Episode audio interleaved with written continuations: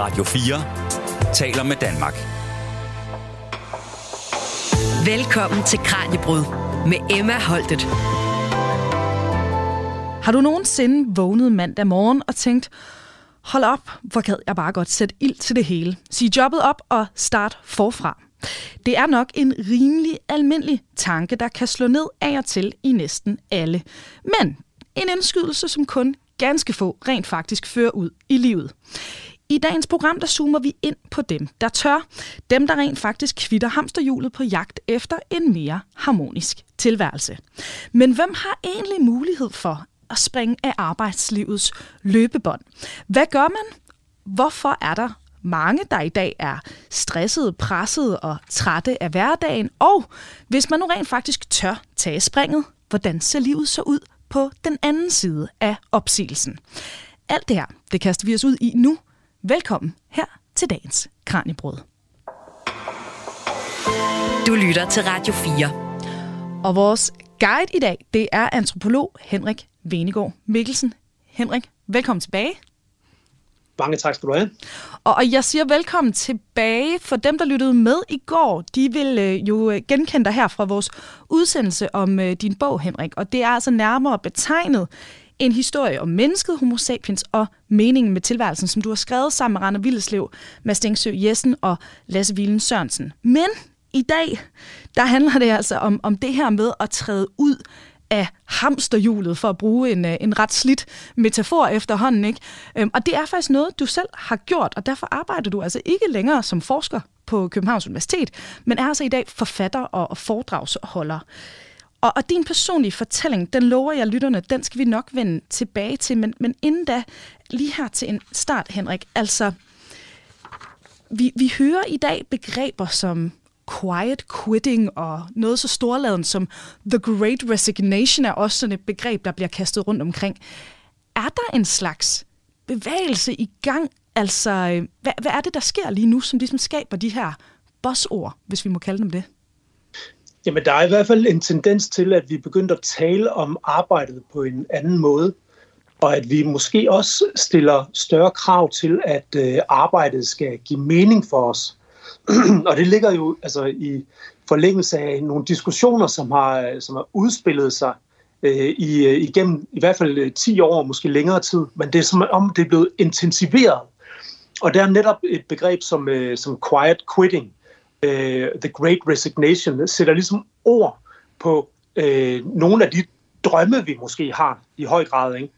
Øh, og spørgsmålet er jo så, øh, hvor, i hvor høj grad det rent faktisk udspiller sig i, øh, i vores samfund, altså hvor mange der rent faktisk siger deres jobs op. Mm. Øh, og det, øh, altså, det, det, det bliver der jo sat meget spørgsmålstegn ved for tiden. Ikke? Øh, der var jo en, øh, en tendens til i forlængelse af corona at, øh, og lockdown, og det der med, at vi, var, øh, vi befandt os rigtig meget derhjemme, og, og man begyndte ligesom at måske se sit arbejde med nogle nye øjne.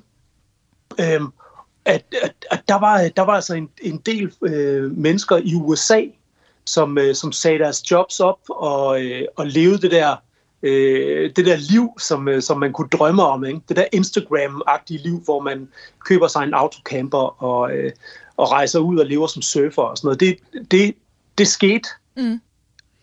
Og det man så skal spille spørgsmålstegn ved, det er, hvor udbredt er det? Og der er svaret jo nok ikke særlig udbredt. Og man kan også se, at mange af dem, som, øh, som tog ud for at gøre det her, de er vendt tilbage øh, i deres jobs efterfølgende.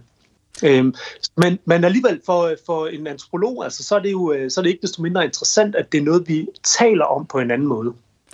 Er det rimeligt at sige, fordi øh, du, du brugte begrebet altså, øh, myter i vores forinterview, og det synes jeg bare var så fantastisk, det her med sådan, altså, at, at jamen, når, øh, det kan godt være, der ikke er så mange, der gør det her, men når nu den her myte lever, når de her ord bliver kastet rundt omkring, og vi hører om mennesker, der tør øh, enten lave den helt store Great Resignation, eller bare begynder sådan quiet quitting i deres hverdag, hvor de sådan lige så stille og roligt laver mindre og mindre ind til arbejdsgiveren, så siger, jamen så ud med dig, ikke? og så er de lige glade med det. Så er de bare sådan, det kan jeg leve med, og det er faktisk måske fedt endda, ikke? Altså når man hører de her ting, de her myter, det, det siger du, at som antropolog, der er det jo i virkeligheden også det, der er det interessante, og måske ikke i virkeligheden, hvor mange der så rent faktisk fører, fører det ud i livet, eller de to ting ikke nødvendigvis hænger sammen. Præcis. Altså for, øh, for antropologer er der ikke nogen, øh, er, er det ikke noget med, at, at en myte er noget, der er falsk. Altså, mm. ud. altså myter er, altså vi er jo fuldstændig vilde med myter, fordi at det er gennem myterne, at vi kommer til at forstå vores egen verden. Ikke? Øhm, og der, det, også, der, der må man jo så sige, at, altså, at hvis det er en myte, at, øh, at mange siger deres jobs op, jamen så, kan, så er det jo stadigvæk en, en måde, vi, vi taler om vores egen tid på. Og det, øh, og det skaber måske et, øh, et mulighedsrum, kan man kalde det. Ikke? Øh, det skaber nogle muligheder for at navigere i sit eget arbejdsliv på, på andre måder. Og hvor gammel er den her tendens? Altså, kan vi sige noget om det? Jamen, det kan man godt. Altså, man, altså jeg kan sige, at øh, for, for mig, der, øh, der skete, altså, der gik vi jo fra øh, på universitetet, hvor jeg tog min, øh, min Ph.D. Altså, der var, der var der jo meget, øh, hvad skal man sige, altså meget brok i krone ikke, over, øh, over arbejdsforholdene og det hyper-kompetitive miljø, vi var del af. Ikke? Øh, folk de blev stresset og sygemeldte og, og havde det ikke særlig godt. Øh, men på det tidspunkt der, der, der er vi sådan i 2009-10 stykker, Altså det som, øh, det, som ledelsen på universitetet så gjorde for os, det var at tilbyde øh, mindfulness-kurser. Altså simpelthen for at gøre os mere øh, robuste, så vi ligesom kunne klare den her, øh, det her hårde øh, arbejdsmiljø. Ikke?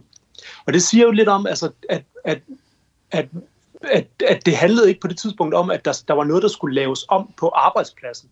Altså, det var os, der skulle lave noget om inde i os selv, ikke? fordi at arbejdspladsen var bare, som den skulle være. Øhm, og det tror jeg egentlig var meget, øh, var meget udbredt på det tidspunkt der. Øhm, men der, der begyndte ligesom at komme nogle... Øh, øh, der, der var nogle bøger, der blev udgivet, som introducerede nogle helt nye ord i vores ordforråd. Altså et, et af dem, som, øh, som, som inspirerede mange af os på, på antropologi, jamen det var en bog, der hedder Bullshit Jobs, af en amerikaner, der hedder David Graeber. Og David Graeber, han, øh, Jamen altså, bullshit jobs, det, det er et, øh, et, super sjovt ord, øh, men det var faktisk et dybt øh, ramme alvor. Øh, altså han skældner mellem bullshit jobs og shit jobs.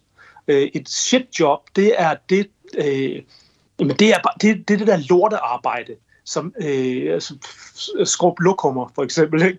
Altså, som er øh, hårdt arbejde, men der er ikke nogen, der er i tvivl om, at det her det er vigtigt. Altså, det er dybt nødvendigt, at der er nogen, der gør alle de her ting. Øhm, og, det er, og der er heller ikke nogen, der, der står i de her jobs, som, som til daglig stiller spørgsmålstegn ved, om det her det er en vigtig funktion i samfundet. Altså, det, mm. det er det. Så han, der er de her shit jobs på den ene side, og så på den anden side er der bullshit jobs. Og bullshit, jamen det, der er jo også noget, altså i det ord, der er noget lidt forløjet i det, ikke? Altså det er, øh, det er de jobs, som ikke rigtig er øh, nødvendige. Altså han stiller jo det der spørgsmål, øh, som, som, som gør lidt ondt. Ikke? Altså hvad nu hvis dit job forsvandt? Altså, hvad nu hvis, du, hvis det fra den ene dag til den anden forsvandt? Er der nogen, der vil savne dig og, dit, øh, og din funktion? Og der øh, for mange, øh, som læste bogen, øh, der, der måtte man jo kende, altså nej, det, det vil faktisk ikke gøre den, øh, gøre den kæmpe store forskel. Og så der, derefter er spørgsmålet, som, hvad, hvad, hvad gør du ved det? Altså, øh, fortsætter du dit liv, som det er? Øh, går på arbejde hver eneste dag i et øh, bullshit job, eller ændrer du det? Og der er sagen jo den, altså, at øh, bullshit jobs, det er jo ofte øh, stillinger, hvor man lærer at overbevise verden om, at man er vigtig. Altså, det, er jo, øh, det, er jo, det er jo det, det handler om. Altså, man overviser verden og sig selv om, at man har en utrolig vigtig funktion, og at øh, altså, på universitetet talte vi jo rigtig meget om grundforskning. Altså hvis man var i øh, tvivl om, om det var vigtigt, det man lavede, så kunne man altid sige til den der irriterende onkel til, øh, til, til familiens julefrokost, der spurgte, hvad er det egentlig, du laver? Så kan man altså sige, at det er grundforskning. Der er en del af noget større. Men dybt inde, så havde man måske ofte en følelse af, at jamen, altså, de der fem mennesker, der læser min, øh, de, mine forskningsartikler og sådan noget, altså måske er, måske er det ikke så vigtigt, som jeg gør det til. Ikke? Jamen, fordi jeg skulle lige til at sige, altså, hvor meget må de her mennesker, der så har de her øh, bullshit øh, jobs, altså, hvor, hvor meget er de selv klar over, at det her, det øh, måske ikke er noget, der, der egentlig batter, øh, hvis de ikke lavede det, ikke? Altså. Jeg vil sige, indtil jeg, indtil jeg læste den bog der, så havde jeg ikke tænkt særlig meget over det. Øh, men han, tvang os, David Graeber, ligesom til at stille spørgsmålstegn ved, hvad det egentlig var, vi brugte vores liv på. Ikke? Og det er, jo, det, er jo, det er jo hårdt og voldsomt, og det, og det gør ondt. Men det, er, det kan være ret vigtigt ikke? for ligesom at få sit, uh, sit arbejdsliv i hvert fald på, den, uh, på det rette spor. Og efterfølgende så har uh, Dennis Nørmark, uh, uh, Anders Fogh Jensen, de, de udgav bogen uh, Søvduarbejde, som ligesom stiller fokus på nogle af de samme ting i det danske samfund. Ikke? Øh, hvor, ja, altså, hvor, hvor de også ligesom slog øh, uh, på hovedet ikke? Og, og, og, og skabt en samfundsdebat om øh, en slags arbejde, som ikke havde særlig meget værdi. Og lige pludselig så, så stod øh, Mette Frederiksen jo og talte om det øh, øh i Folketinget, ikke? Og, om søvdearbejde som et stort problem. Så der er, der, der er sådan et, der er sket et skred i vores måde at tale om arbejde på. Det kan man i hvert fald øh, det kan man konstatere. Ja, og så har der vel historisk set været bølger af, af altså perioder i tiden, for eksempel. Altså, blomsterbørnene er måske det bedste øh, øh, sådan nyere eksempel ikke på altså en hel generation af unge nærmest, der sagde, nu gider vi simpelthen ikke det her res for en stund. Og, øh, altså jeg ved godt, der var alt muligt også i forhold til krig og andet, men der var jo blandt andet også en holdning til, til arbejdet, som vel på en eller anden måde relaterer sig til, til det, vi så ser i dag. Jamen, det, det er fuldstændig rigtigt. Altså, der, der kan trækkes helt klart tråde tilbage til, til 68'erne i det her, mm. hvor man også forsøger at, eller hvor man også forsøg, forsøgt at gøre op med, nogle, øh, med en livsstil, som, øh, som ikke gjorde noget særligt godt for os. Øh, og, det, og det er noget af det samme, der, der udspiller sig i dag. Og kan vi sige noget om, at der sådan er et geografisk epicenter? Er det her, er, nu, nu nævnte du jo USA tidligere, er USA ligesom der, hvor øh, de største skvulp altså, ligesom kommer ud fra? Ja, altså, det ligger lidt i betegnelsen, altså The Great Resignation, mm. som vi alle sammen taler om, altså, som er et engelsk udtryk, ikke et amerikansk udtryk. At det var der, det ligesom, det, det var der, det opstod. Det var der, øh, debatterne blev, øh, blev taget i starten. Men det har, det har spredt sig ud over øh, store dele af den, af den vestlige verden umiddelbart, når man hører det her, så tænker man jo, det er meget fint, at man kan sidde og snakke om at kvitte jobbet og altså, træde ud af hamsterhjulet og alt muligt andet, men det lyder også som noget, som måske er for de privilegerede, altså noget, man skal have råd til. Altså, er det, er det en, en, en rimelig fordom over for den her bevægelse? Det synes jeg er en helt fair fordom. Altså, det er, der er ikke nogen tvivl om, at det er en bevægelse, som er blevet båret frem af den, øh, den såkaldte kreative klasse. Altså, fordi det kræver jo en, en vis form for sikkerhed for at kunne, øh, for at kunne kvitte sit arbejde. Og ofte, som man, som man læser om på LinkedIn, så, så, så, så praler folk jo nærmest af, at de, at de siger job op, uden at have noget andet job, øh, der venter derude. Ikke? Altså, som er nærmest, altså, det bliver sådan en, nærmest sådan en heroisk øh, fortælling om, at man gør op med noget sådan helt radikalt. Ikke? Og det, øh, altså, det kan, man, det kan man jo kun gøre, hvis, øh, hvis du har et form for sikkerhedsnet, der kan, der kan gribe dig, hvis det går galt. Eller også så kræver det i hvert fald en, en vis form for, øh, for mod. Ikke? Så altså, det er jo ikke sådan en folkelig bevægelse, så kan vi godt konstatere. Nej, det er ikke en, øh, jeg vil ikke sige, det er en øh, folkelig bevægelse, men det er noget, der bliver diskuteret mm. øh, i samfundet. Det, gør, altså, det, det, har, det har ligesom bredt sig ind i forskellige sektorer i, øh, i, øh, i samfundet i dag. Men igen er spørgsmålet, altså, hvor mange er det rent faktisk, der, der gør det her? Øh, og det, altså, der, der, må man, der må man konstatere, at det er noget, som, øh, som rigtig mange drømmer om. Og på den måde, så kan man sige, så har det altså en bredere relevans. Altså, det er ligesom en indikator, ja. som jeg forstår, altså på, der er måske et eller andet i vejen med måden, vi har skruet vores, vores hverdag og vores arbejde især sammen på. Ja, præcis. Altså, vi er, øh, altså, vi, vi blev jo nærmest lovet på et tidspunkt.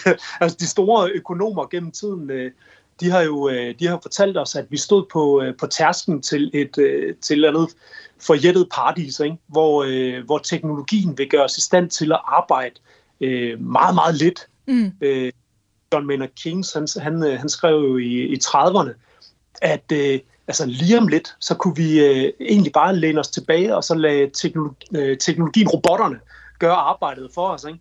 Og hvad skulle vi så bruge vores tid på? Jamen, så kunne vi bruge vores, øh, vores tid på at være kreative, øh, dyrke vores sociale relationer, lave øh, meningsfulde aktiviteter. Øhm, og det, altså, og det, det skyldes sig den der udvikling, at der vil være så meget vækst i samfundet. Og han sagde sådan, omkring øh, om, om 80 års tid, så vil der være så meget vækst i samfundet, at, øh, at vi vil befinde os i det her fantastiske, øh, den her fantastiske utopi. Ikke? Øh, men det er altså bare ved at være 20 år siden, at, vi, at samfundet faktisk nåede det punkt, hvor der var så meget vækst, som han forudså, hvor vi egentlig burde kunne læne os tilbage og slappe af. Men det er jo ikke det, der har, der har været effekten. Altså, vi arbejder jo lige så meget, som vores, øh, som vores bedste forældre gjorde. Og øh, altså, når man taler om, at arbejdet øh, koloniserer en stadig større del af vores, øh, af vores liv, ikke? Øhm, altså, der er jo alle de her værdier, som blev båret frem øh, i, nullerne om, at, altså, at, at man skal være passioneret omkring sit arbejde. Ikke? Altså, det var jo, øh, det var, øh, altså, det var, det var sådan et, et ideal, at det forventedes nærmest, og især i de, i de kreative jobs, at du ligesom skulle være dit arbejde. Øhm, og man kan måske høre ens forældre, der sagde til en, øh, der var barn, ikke? du skal bare være det, der, øh, det du er glad for. Mm. Du skal gøre det, der... Det er jo det arbejde, der gør dig glad. Og det lyder jo mega godt. Men i virkeligheden, så er det jo et kæmpestort pres. For hvad er det egentlig, der gør mig glad? Altså, hvorfor kan jeg ikke bare have et arbejde, som jeg kan få overstået, og så kan jeg tage hjem? Ikke? Men det var sådan nogle værdier, som vi, øh, som, som vores generation måske øh, har, har, fået, øh, har fået med os, og som har formet vores forhold til arbejde. Og i virkeligheden så betyder det jo bare, at en arbejdsgiver kan lægge massiv pres på dig, ikke? og forvente utrolig meget af dig. Man skal altid lige gøre det ekstra. Altså det er også en ting, som, altså hvorfor skal man det? Hvorfor skal man gøre det ekstra? Hvorfor kan man ikke bare gøre det, man bliver betalt for, og så gå hjem? Ikke? Øh, der, og I forhold til det, der er også det begreb i dag, man hører hele tiden, work-life balance. Og det synes jeg, i forhold til det, du siger, det er også et skønt begreb, ikke? fordi det sætter sådan ligesom, der er arbejdet, og så er der alt dit andet liv. Men samtidig så ved vi jo også, at arbejdet er jo bare en kæmpe del af vores, af vores hverdag, ikke? og netop også, som du er inde på, altså vi lægger så meget betydning, så meget i det her arbejde, at det, det, det bliver jo sådan virkelig bare en kæmpe ting, og, og altså også, jeg tænker, der må være noget af det her, der også betyder, at hvis vi så mister arbejdet, så må det jo også være et, et altså nu ved jeg, vi snakker vi jo om at kvitte det frivilligt, ikke? men dem, hvor det så ikke er frivilligt, det må jo også være en, øh, et kæmpe tab så i det samfund og den hverdag, vi, vi har bygget op. Ja, men lige præcis. Og der er jo folk, der taler om det der med at stå uden arbejde, altså som, en, som nærmest en soveproces. Altså, fordi man er så investeret i sit arbejde. Du er dit arbejde. Mm. Når man står uden, øh, øh, uden jobs, jamen så er det lidt ligesom at have mistet en, øh, en, en kæreste gennem, øh, gennem mange år. Altså, hvor man skal til at genopfinde sig selv nærmest fra bunden af. Ikke? Øh, altså i første omgang, der sørger du jo for, at øh, du får et arbejde igen, fordi at alt andet, det, er jo, det vil jo nærmest være forfærdeligt. Ikke? Men, øh, men at det er sådan en, det er et, et tab af identitet øh, og en krise. Ikke? Du lytter til Radio 4. Og til nye lyttere her i dagens program, der ser vi nærmere på, hvorfor flere og flere taler om at droppe jobbet. Og lige nu, der skal vi altså høre fra vores gæst her i dag, og hans personlige fortælling, fordi øh, det er altså netop det, som øh, Henrik har gjort. Og øh, det er altså Henrik Venegård Mikkelsen, der er antropolog, forfatter og foredragsholder, der er med os i dag på en online-forbindelse fra København. Ja, Henrik, du havde altså en stilling som adjunkt på Københavns Universitet. Jo, det er rigtigt. Øhm, altså, det er jo, jeg var jo en del af et, øh, et, altså et meget kompetitivt øh, miljø, hvor det forventedes, at man, øh, man lagde rigtig, rigtig mange timer. Og det her, det var jo også et, øh, et tidspunkt, hvor øh, altså, jeg, ligesom så mange af mine, øh, mine yngre kollegaer, vi stiftede familie og, og skulle ligesom skabe det der liv, som ikke nødvendigvis kun var, var arbejdsrelateret. Og alligevel så så, så, så vi jo os selv øh, bruge flere og flere timer på, øh, på arbejdet. Øh, altså, og det var, øh, altså, det var ikke noget, man, vi i særlig høj grad stillede spørgsmålstegn ved, fordi at der var, altså, vi var jo omgivet af professorer, som jo nærmest sad og, og prallede af, hvordan de havde offret sig for deres, øh, for deres arbejde, og hvordan det havde forårsaget skilsmisser, og, øh, og hvordan når de tog på ferie, jamen, så handlede det først og fremmest om at sende øh, børnene ned til stranden, så man selv kunne sidde og arbejde derhjemme. Ikke? Altså, så det var ligesom de idealer, vi fik. Altså, når, øh, øh, der var, jeg kan huske, der var en, der fortalte os, en professor, der sagde, når vi, når vi synes at vi havde for meget arbejde, så sagde hun, øh, så, altså, at vi måtte stoppe klokken 4 om morgenen, og så, så gå i gang der. Ikke? Og, altså, så, og det, er jo, øh, det er jo sikkert rigtigt nok, at det, kunne, at det er et valg, man kunne træffe. Ikke? Men spørgsmålet er, hvad det gør i forhold til din, øh, til din trivsel, øh, at så stor en del af dit liv handler om at komme videre. Det er jo det, det, er jo det. Altså, nu taler jeg om, øh, om livet på, på universitetet, og en særlig en særlig del af universitetet. Så det er, spørgsmålet er, hvor meget det kan bredes ud til at være en, en generel tendens. men øh, som, som forsker, så er man hammerne fremtidsorienteret. Altså det kan være svært at sidde og egentlig fokusere på det, man laver lige nu, fordi man hele tiden har nogle ting, man arbejder hen imod. Altså du skal øh, have noget, man kalder det pipeline. Ikke? Du skal mm. have noget i pipeline. Du skal have de her forskningsartikler, der, der er på vej, og du skal øh, lande øh, store bevillinger hele tiden. Så man sidder hele tiden og har øjnene fixeret på, på horisonten, fordi du skal videre. Og øh, i virkeligheden, så var det jo ikke, altså der var ikke nogen af os, der, der trives særlig godt ved det. Det vil jeg, det vil våge den påstand. Altså, jeg havde et kontor ved siden af, af toiletterne, og der kunne jeg jævnligt høre øh, kollegaer, der sad og græd. Altså, simpelthen, øh, det der stress, det gennemsyrede arbejdspladsen på en måde, som øh, altså, det er fuldstændig vanvittigt. Men og jeg, altså, jeg, jeg synes i hvert fald godt, at jeg kan bekræfte dine erfaringer. Nu øh, arbejder vi jo her på et videnskabsprogram med mange forskere, og når man bor i Aarhus, så kender man altså også en hel del, der er ansat på universitetet, fordi det er jo bare i den grad en, en universitetsby. Så jeg har hørt det her fra rigtig, rigtig mange i forskningsmiljøet, at det er altså virkelig et, et arbejde, der foregår i et enormt højgear og med enormt høj pres, som du siger. Men på den anden side, Henrik, det her, det er jo altså, øh, især som, som øh, akademiker, altså det med at blive adjunkt og blive ansat på et universitet, det er jo også noget, som altså mildest talt i de fleste øjne, ja, det er stressende, men det er fandme den chance, alle gerne vil have inden for forskningsmiljøet. Så, så hvad fik der så til endeligt at droppe jobbet? Fordi som du siger, der er jo masser, der sidder og græder inde på, på toilettet. Det er jo ikke alle, der siger op. Jamen, der var jeg jo, altså, man, man tænker jo altid, at man selv er fuldstændig original og sidder med et eller andet selv, øh, og så hvor virkeligheden viser, at det er noget, der sker simultant alle mulige steder. Altså, der er mange, der gør sig de samme tanker, og, øh, og altså, der var den samme, hvad skal man sige, den, den kritik, som kom fra forskellige forfattere og meningsdannere, og øh, som spredte sig ud over de sociale medier. Altså, det var i virkeligheden den, som, skaber, som skabte et helt nyt sprog til at kunne tale om, øh, om ens arbejde. Øh, så der var et tidspunkt, hvor, øh, hvor jeg skulle sidde og, og bede om forlængelse på min stilling. Jeg var jo løst ansat. Jeg sad ikke i en, en fast stilling på universitetet. Men jeg skulle, øh, jeg skulle ligesom videre. Og, øh, og da, jeg, da, jeg, da jeg skulle ind i den der, den der proces med at bede om øh, forlængelse, der, der, der lod jeg være. Mm. Altså, og, der, øh, og et par måneder efter, der, der pakkede jeg mit kontor hjem, øh, ned, og så, så tog jeg hjem. Ikke? Og hvad der præcis altså skabt, altså gjorde det muligt for mig at, at træffe det valg, altså det er svært at, at sætte finger på én ting. Altså det er noget, der, der byggede sig op over, over årene. Altså jeg kan huske, der var en... Øh, øh, der, var, altså, der er dels det der med, at man hver eneste dag øh, oplever øh, et, et, et presset miljø, hvor folk ikke er glade. Øh, det, det er vigtigt. Og så er der nogle, sådan nogle definerende øjeblikke. Og en af de definerende øjeblikke, det var, at der var en, øh, en professor, der fortalte mig om, øhm, hvordan han havde oplevet det, da han, da han landede sin faste stilling som lektor nogle år ind, øh, forinden. Fordi i samme uge, tror jeg det var, der, var, der havde en af hans kammerater fået et, øh, et professorat. Det vil sige en af dem, som han identificerede sig med og så sig selv sådan på, på niveau med, altså havde ligesom var ligesom kommet foran i det her kapløb.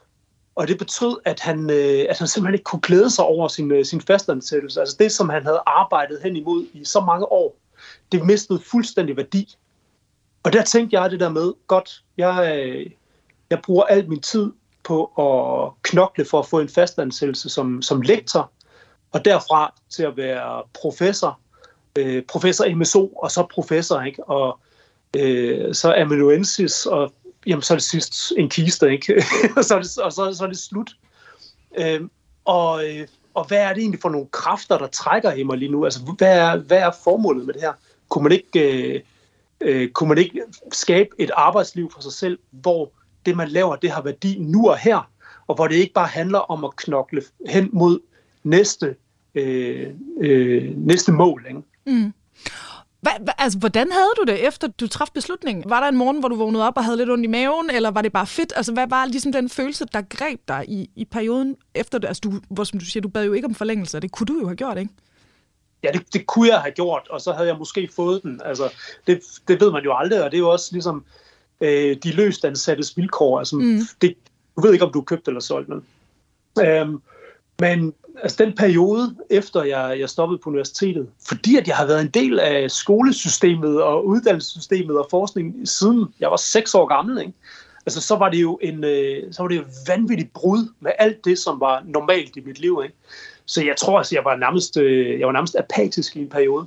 Altså jeg kan sige, dagen efter jeg stoppet, og mit kontor var pakket ned, der omkring frokost, der, øh, der satte jeg mig op på min cykel og cyklede ind til instituttet og spiste frokost inde i kantinen.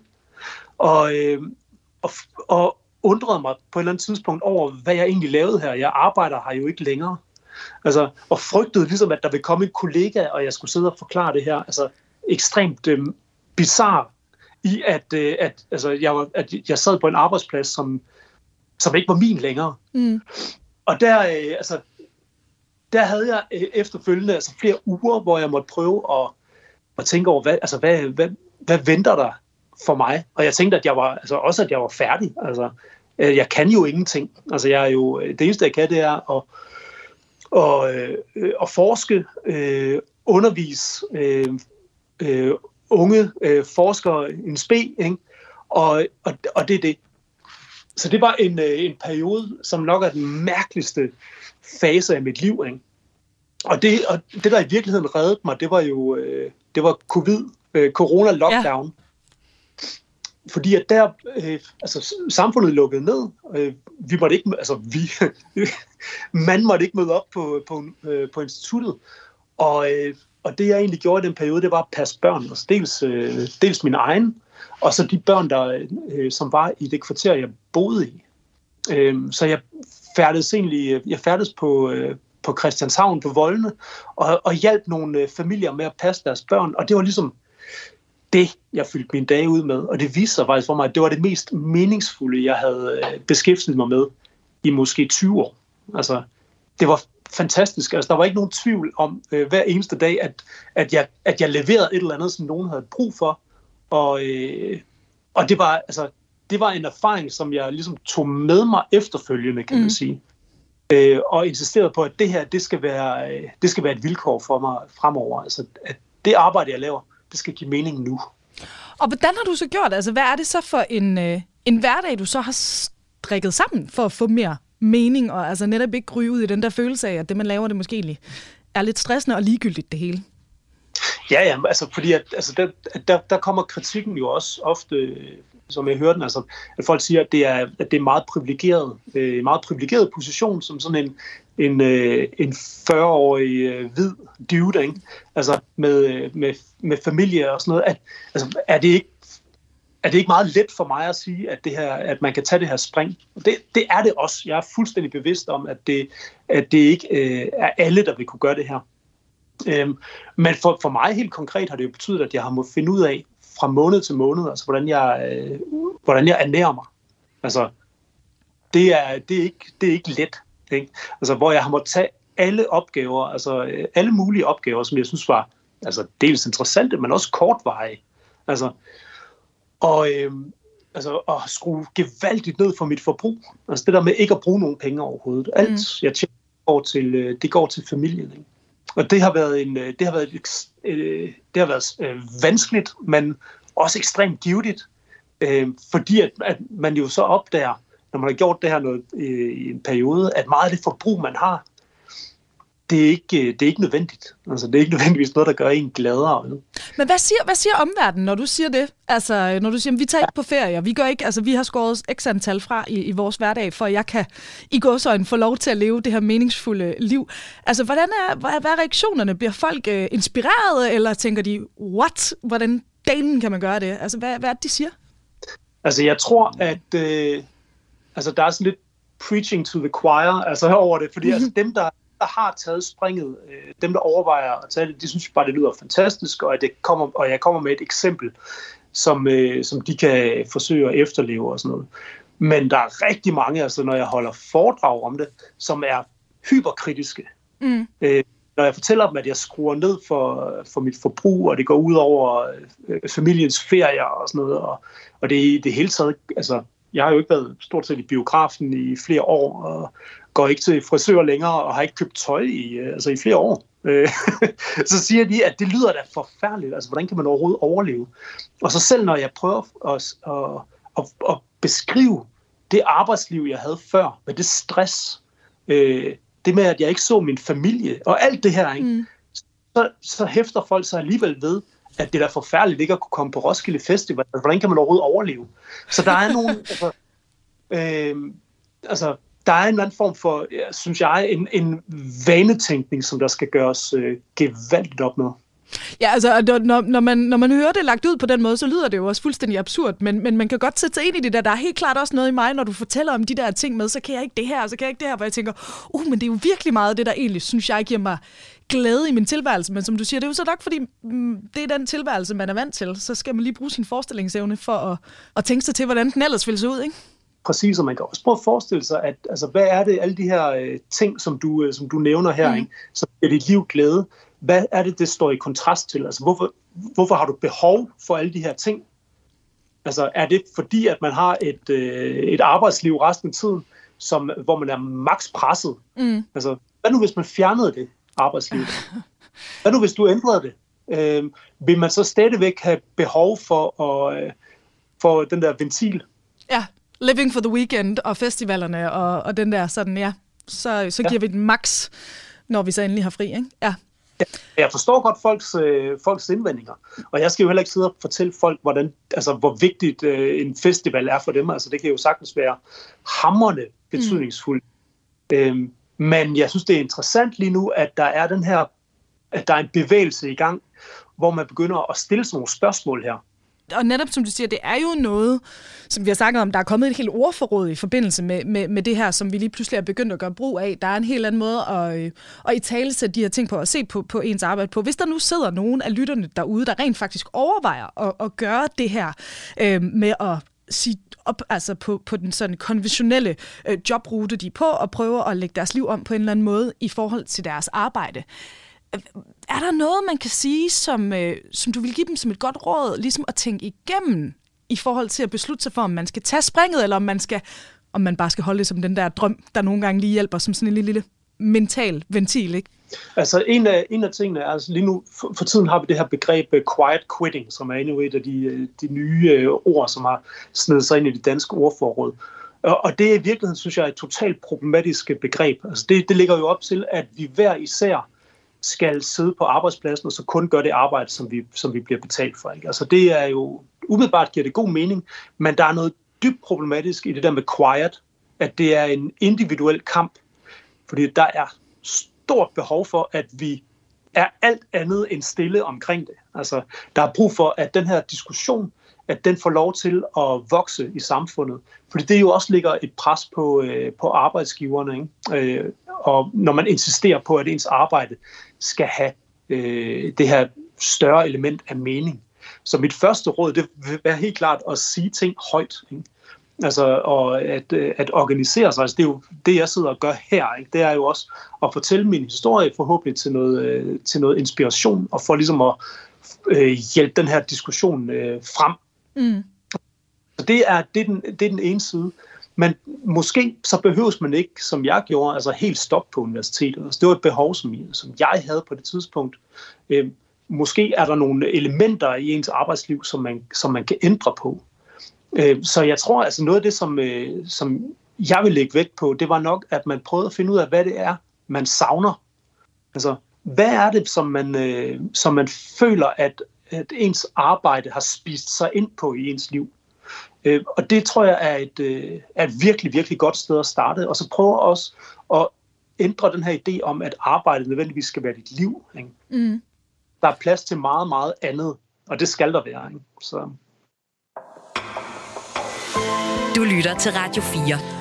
Og her i Kranjebrud, dit daglige videnskabsprogram, der har vi i dag antropolog, foredragsholder og forfatter Henrik Venegård Mikkelsen med her i studiet i dag. Og øh, Henrik han er med på en online-forbindelse fra København, og vi er altså i fuld sving med at se nærmere på, hvorfor nogen dropper jobbet, og rigtig mange tænker på det og taler om det.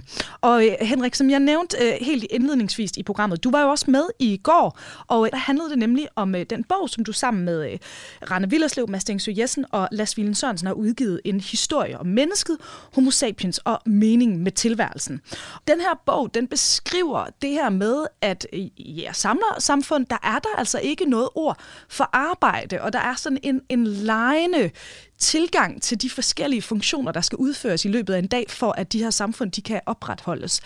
Øh, sådan helt kort fortalt, det her med at have et lejende og, og meningsfyldt arbejde, hvorfor kan vi sige sådan, at det egentlig på en eller anden måde er centralt for, for mennesket? Ikke bare i samlerne, men, men altså formentlig også for os, der, der lever nu i dag, ikke? Ja, præcis. Altså, og, altså, allerede når man siger, at, det skal være, at livet skal være mere lejende, altså, så vil det jo nærmest sådan vende sig lidt i folk. Ja. At, at vi, har, vi, har, øh, vi, har, vi er kommet til at forstå øh, et ord som leg, som noget, som øh, børn gør. Ikke? Mm. Altså, at voksne, voksne arbejder, børn leger. Og øh, altså, så derfor skal vi i første omgang væk fra den der idé om, at, at, at leg, det er bare et eller andet med at fjolle rundt. Øh, altså, det er, ikke, det er ikke det, vi taler om. Altså, leg, det har, øh, som vi forstår det i, øh, i vores bog, i langt højere grad øh, noget at gøre med at være til stede nu og her. Øh, og det er, altså, det er uhyre vanskeligt for os, fordi vi fra, øh, fra den dag, vi bliver født næsten, ikke?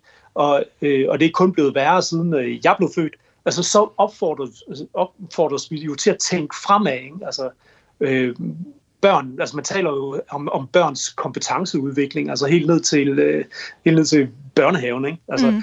så der med, at man skal, man skal hele tiden videre, videre øh, mod altså, nå nye højder af kompetencer. Og det tror jeg står fuldstændig i, øh, i kontrast til, øh, til, hvad vi egentlig trives med. Altså jeg kom til at tænke på øh, sådan et, et, et, et eksempel fra mit eget liv. Ikke? Mm. Altså, at, øh, at øh, jeg skulle på, øh, på ferie, øh, og, og vi skulle nå en, nå en færge på, på Fyn ud til en eller anden ø. Og vi var kommet for sent afsted den her, den her fredag, og på turen, der, øh, der skændtes vi hele vejen om, altså, hvorfor vi ikke kunne komme afsted til tiden, og vi, vi sad med, med øjnene på den der GPS og jordede afsted, fordi vi skulle, øh, vi skulle nå den her færge. Øhm, og så kunne vi se, da vi, øh, da vi nåede Fyn, at der er ingen chancer for, at vi når den her færge. Og vi, vi drønede afsted, og så til sidst så missede vi selvfølgelig færgen. Mm. Altså det er klart.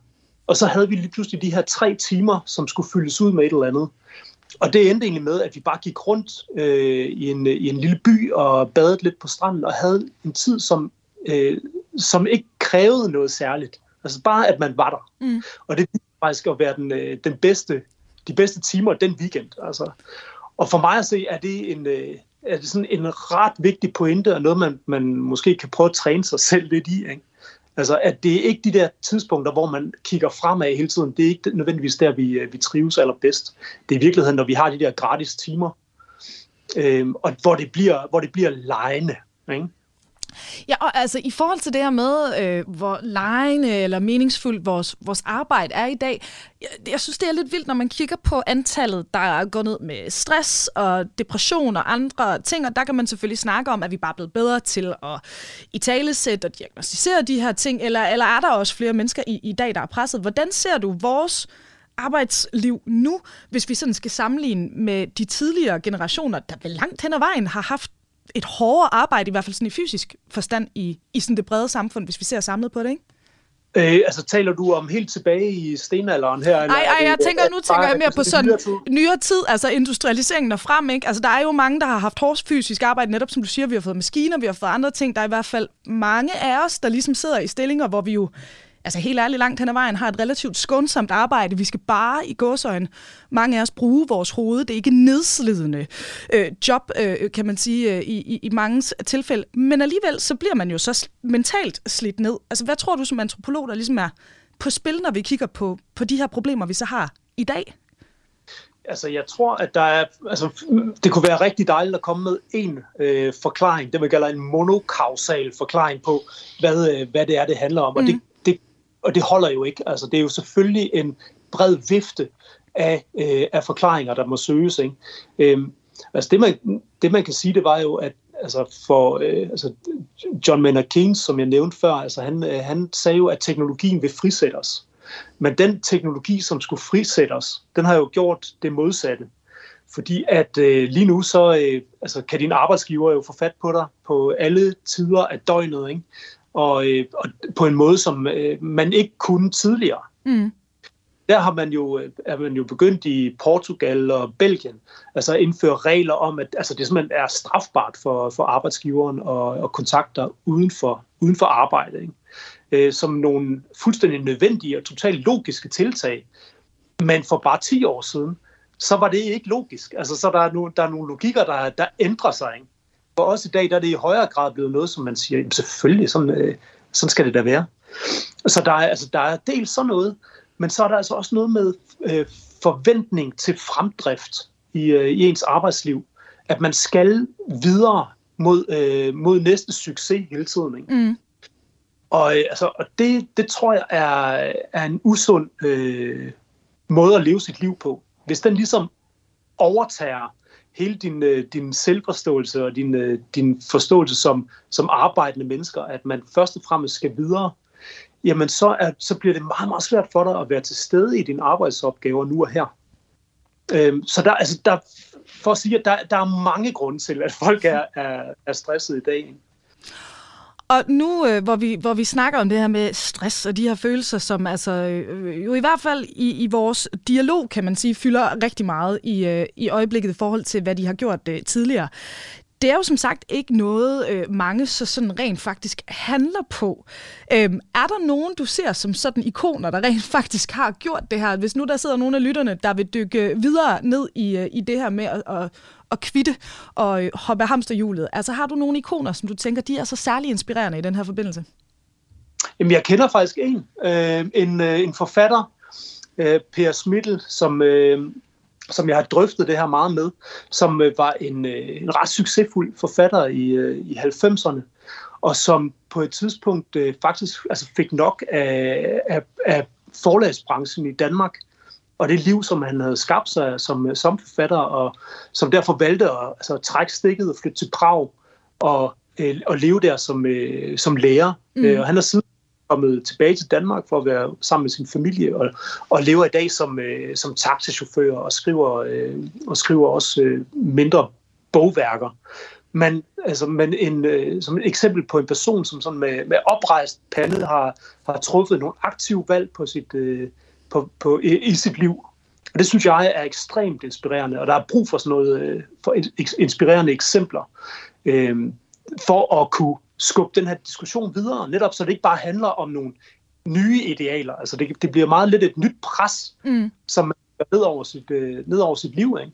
Fordi at, altså ikke nok med, at du skal være øh, du skal være effektiv, og du skal have succes og sådan noget. Nu skal du også på en eller anden måde tage ansvar for dit liv på en, øh, altså i en helt anden grad, end man så tidligere. Og det er jo faren ved det her. Mm. Det kan man jo sige.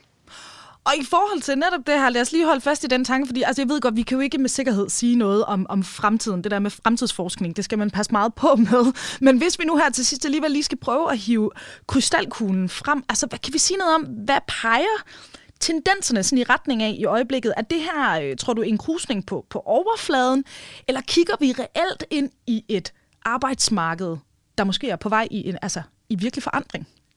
Jamen, jeg tror, at arbejdsmarkedet er under forandring. Mm. Jeg tror, det er, er ved at ske, øh, fordi at det er øh, simpelthen nødvendigt for, for arbejdsgivere i forhold til, til fastholdelse af personale og i forhold til øh, at undgå stress, som jo, altså, det er jo bundlinje, det handler om det her for, for dem, altså så er, det, så er det nødvendigt at skabe nogle, øh, nogle arbejdsmiljøer, hvor, øh, hvor deres, øh, deres ansatte trives. Så jeg tror, der er ved at ske nogle ting på, øh, på, øh, på arbejdsmarkedet lige nu. Og det er ikke, altså det er ikke engang, der er ingen tvivl om det. Det er, det er ved at ske.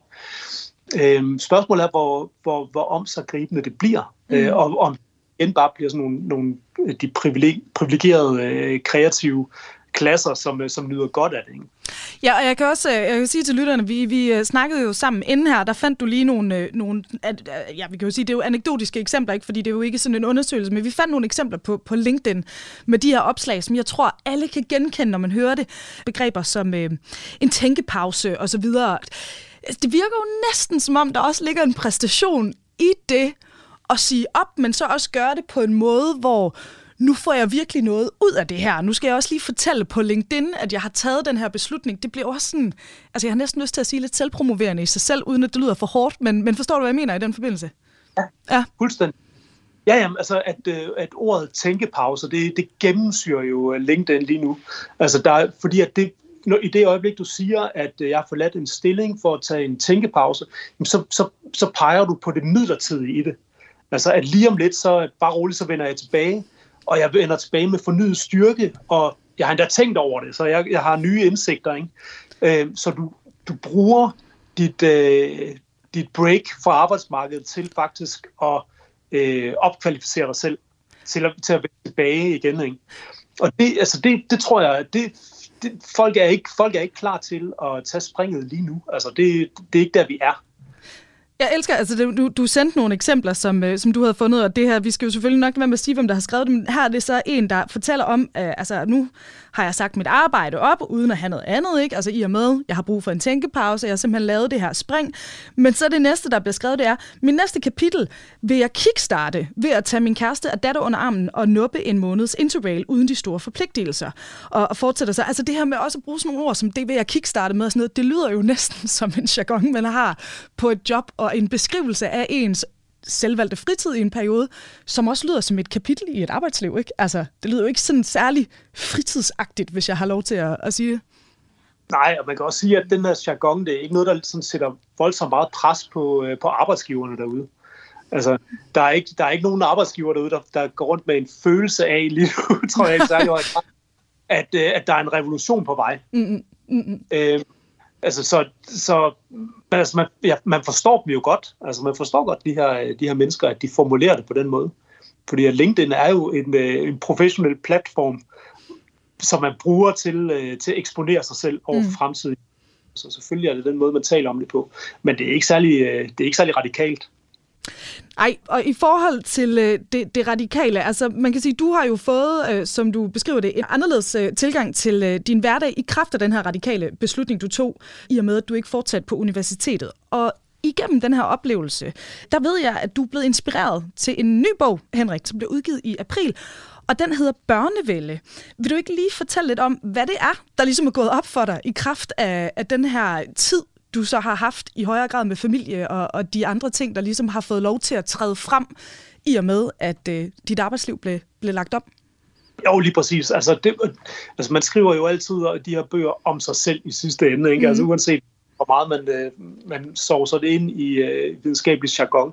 Og, altså, og, og fordi at jeg har kunne tilbringe så, så meget tid sammen med min familie her de sidste par år, så har jeg også ligesom kunne, øh, kunne se på familien som antropolog, måske med et, øh, med et andet blik.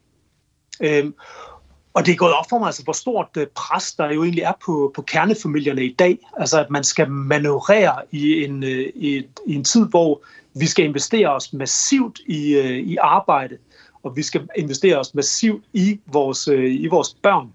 Så det, så det inspirerede mig til at skrive den her bog, øh, Børnevælde, øh, som handler om altså dels også, hvordan, øh, hvordan børn øh, de i dag er, øh, forventes at tilegne sig en masse kvalifikationer, og at, øh, at en stor del af det øh, drives af forældrenes indsats. Så, at, øh, så derfor at forældre i dag, de søger råd og vejledning alle mulige steder for at manøvrere i det her. Altså det, øh, for mig som antropolog er det vanvittigt interessant, altså fordi at det, den viden, jeg kom ind i, øh, ind i familielivet med, den havde jeg jo fra jæger samler. Mm hvor der ikke er nogen øh, idé om, at børn skal tilegne sig nogle, øh, nogle vigtige egenskaber gennem, gennem de voksne. Altså, de, de tilegner de her, sig de her egenskaber gennem de andre børn. Ikke? Øhm, og børnene lever i det hele taget sådan lidt i udkanten af samfundet.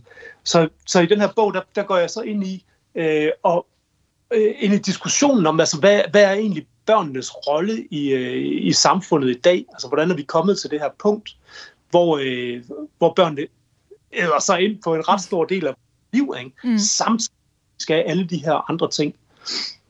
Og kan vi godt love lytterne, at øh, den her undersøgelse, den kommer du tilbage og øh, fortæller om så i april, når den, øh, når den udkommer? Jamen, det kan jeg garantere. Det er hermed øh, garanteret, og øh, I kan altså høre mere til Henrik i april, når bogen den udkommer. Det bliver altså hermed ordene i det her afsnit af Kranjebrud.